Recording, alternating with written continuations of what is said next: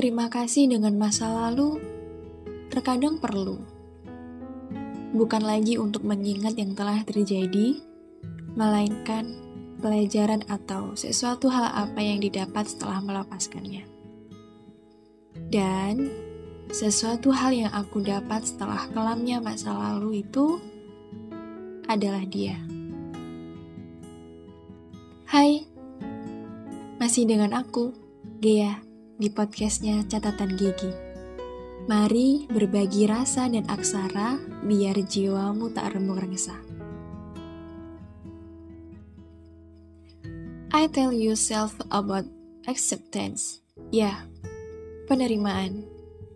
Aku yakin di antara kalian pasti udah banyak yang mengalami dipatahkan, dikecewakan, ditinggalkan apalagi. Dan ya semua itu real terjadi dalam hidup dan tentu ada sebabnya. Dari sekian banyaknya kejadian yang mungkin it's hard you, sampai suatu ketika kita berani untuk melepaskan. Kita berani untuk mulai ikhlas dan menerima. Menerima kalau siapa pun yang datang pasti akan pergi juga menerima kalau perasaan ya memang nggak bisa dipaksakan. Dan menerima untuk kalau seseorang ini memang bukan yang terbaik. Kita harus bersyukur akan hal itu.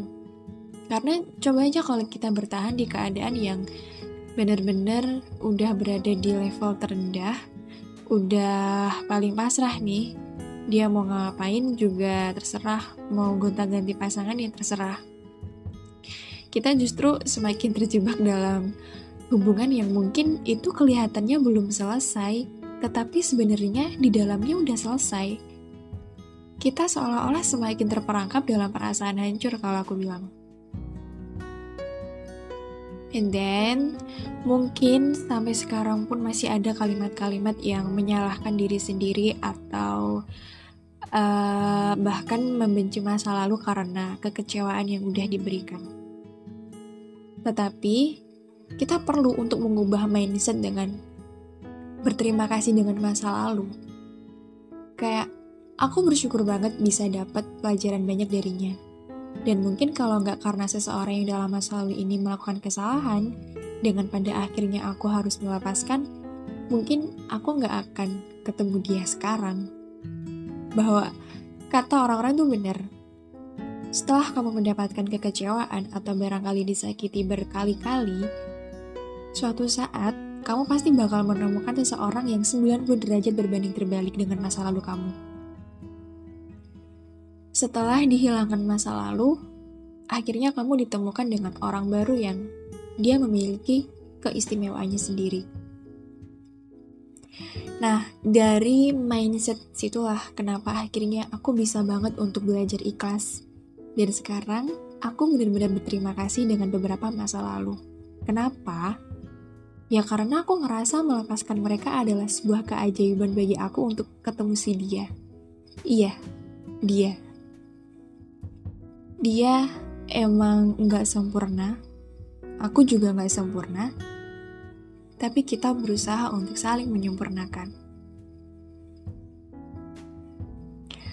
Bener-bener seenggak nyangka itu aku bisa ketemu dia sekarang. Dari dia, aku kayak belajar satu hal bahwa banyak yang bisa menemani, tetapi sedikit yang bisa memahami. Karena dia, hal yang aku anggap sederhana, tapi kalau lagi diomongin sama dia, berasa lebih wow gitu pembahasannya, lebih istimewa. Ya walaupun ada banyak hal dan peristiwa yang bikin kesal, But I love him. Aku suka apa pun itu tentangnya. Bareng sama dia itu adalah sebuah perjalanan yang belum lengkap aku tulis ceritanya dan enggak tahu mau dibawa ke mana endingnya. Tetapi, selayaknya penulis, kayak aku pengen bawa ceritaku dan dia menuju happy ending.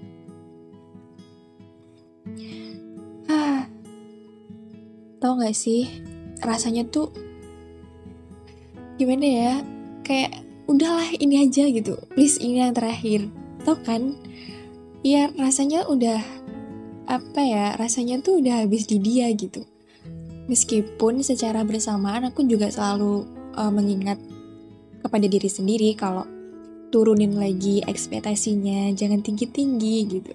Tetapi si dia ini berhasil untuk Oke, kamu nggak boleh berekspektasi tinggi-tinggi, tetapi nggak salah kan untuk beroptimis. Dan tentang mengapa aku memilih untuk stay with him, untuk terus bertahan, jawabannya cuma satu sih. Karena cinta nggak hanya menerima bahagia, tetapi juga menerima beberapa kondisinya yang mungkin lagi bad day, down, sedih, sakit, dan Perihalnya yang setiap hari punya cerita menyenangkan untuk aku dengar. Ya, mengenal dia adalah sebuah penerimaan baru yang harus aku anggap wajar. Kayak gini, kayak wajar kalau dia gampang marah, gampang bete, gampang uh, overthinking, gampang cemburu, gampang bikin aku kesel juga. But he is my favorite person. Entah mau segimananya dia, dia tetap jadi orang yang I like it. Penerimaan yang benar-benar harus aku pahami kalau ya dia memang begini orangnya.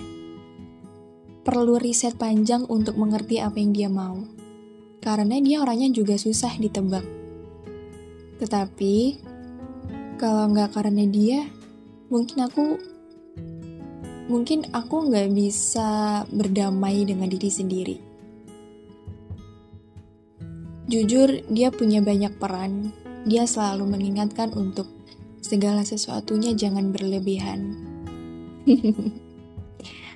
yes, thank you for your attention to me.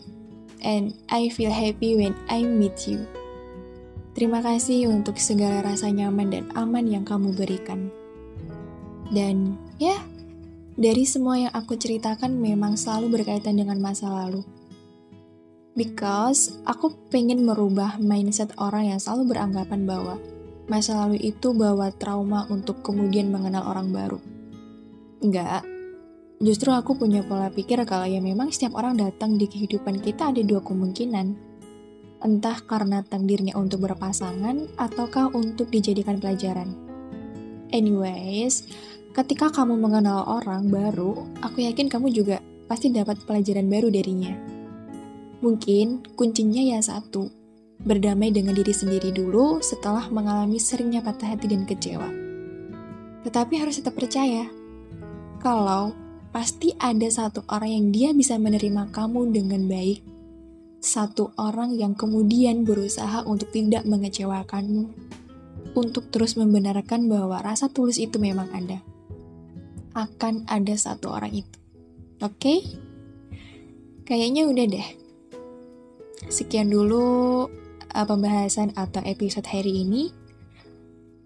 Aku Gea, pamit undur diri dan sampai ketemu di episode berikutnya.